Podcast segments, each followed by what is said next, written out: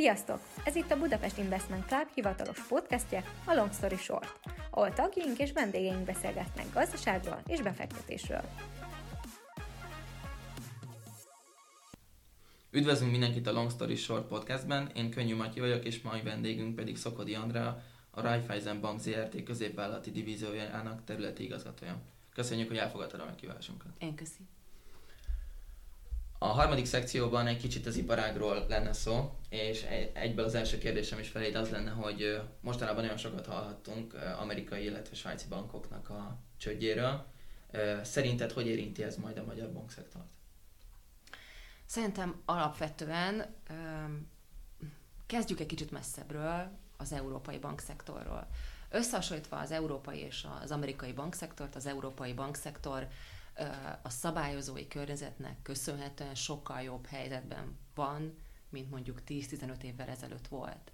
Itt az elmúlt 10 évben a szabályozók nagyon törekedtek arra, hogy a bankoknak a tőkehelyzete megfelelő legyen, és hogyha ne adj Isten megint bekövetkezne egy 2008-as válsághoz hasonló szituáció, akkor az európai bankok ne kelljen a kormányoknak megmenteni, ne kelljen tőkével a segítségükre sietni, hanem ezek a bankok, ezek gyakorlatilag a saját maguknak a saját magukat a hajuknál fogva ki tudják rángatni a problémából.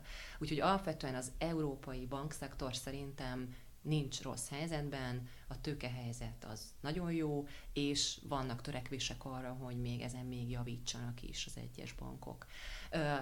Ezek a ezek a problémák, amiket most lehetett ugye az elmúlt hónapokban olvasni, ezek a magyar bankszektorra, hála az Istennek lekopogom, nincsenek olyan hatással, nincsenek nagy hatással. Ö, nyilván a nyitott szemmel kell járni, és mindenkinek mindenre oda kell figyelnie, de alapvetően nem számítok semmi problémára Magyarországon. Hm, értem. És hogyha már itt magyar bankszektorról van szó, akkor milyen konkrét nehézségekkel és kívásokkal kell megküzdeni itt egy ilyen magyarországi helyzetben, tehát egy magyar piacon? Ugye a magyar piacon gyakorlatilag úgy nézünk ki, bankszektor terén, hogy vannak a külföldi tulajdonú bankok, és vannak a magyar tulajdonú bankok.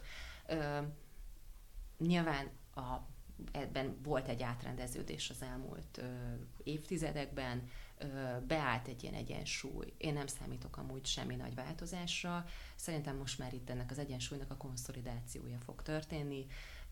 Hogy milyen kihívásokkal szembesülünk, nyilván azért nem lehet magunkat teljesen függetleníteni a világgazdasági folyamatoktól.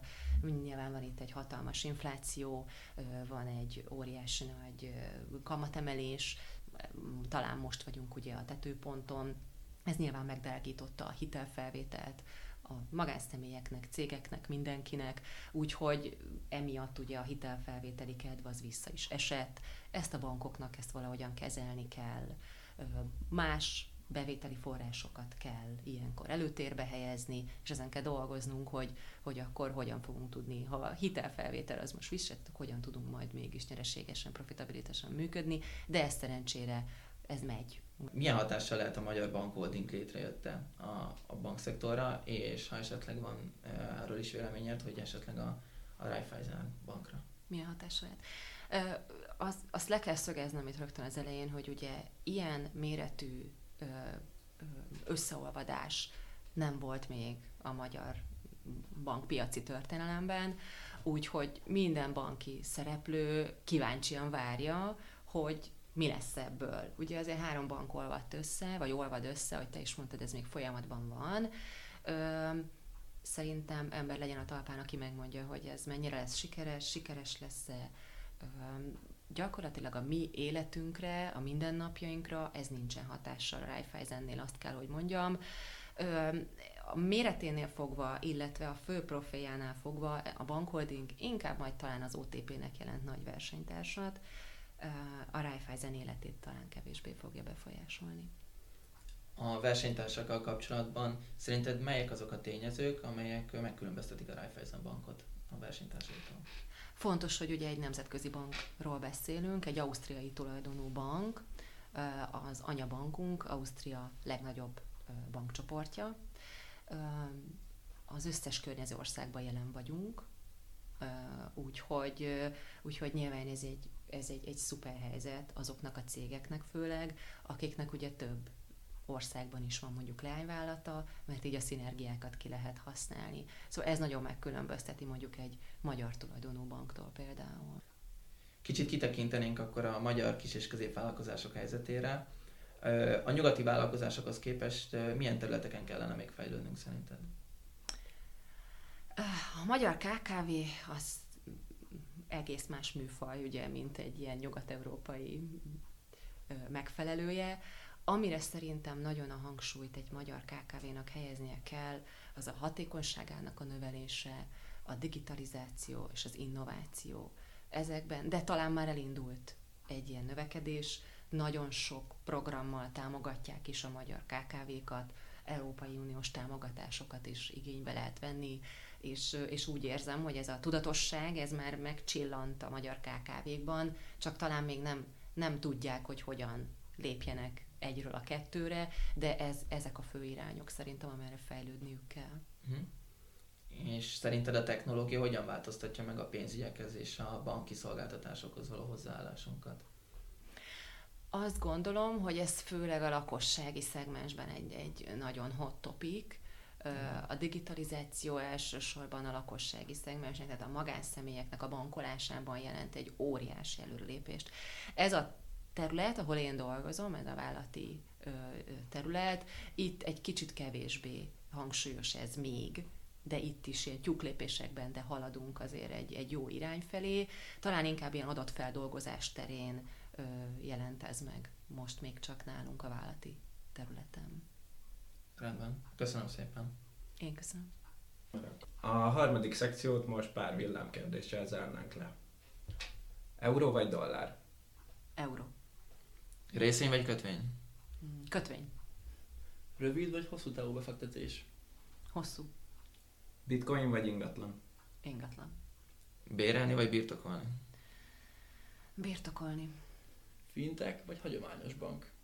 Hagyományos. Diversifikálás vagy fókuszálás? Diversifikálás. Hozam vagy fenntartatóság? Fenntarthatóság. Kriptopiac vagy rulett? Uh. Egyik sem van ilyen? Könyv vagy podcast? Könyv. Hát elfogadjuk ezt a választ. És akkor utolsó kérdésem, Raiffeisen gyakornoki pozi? Ó, van, van. Van.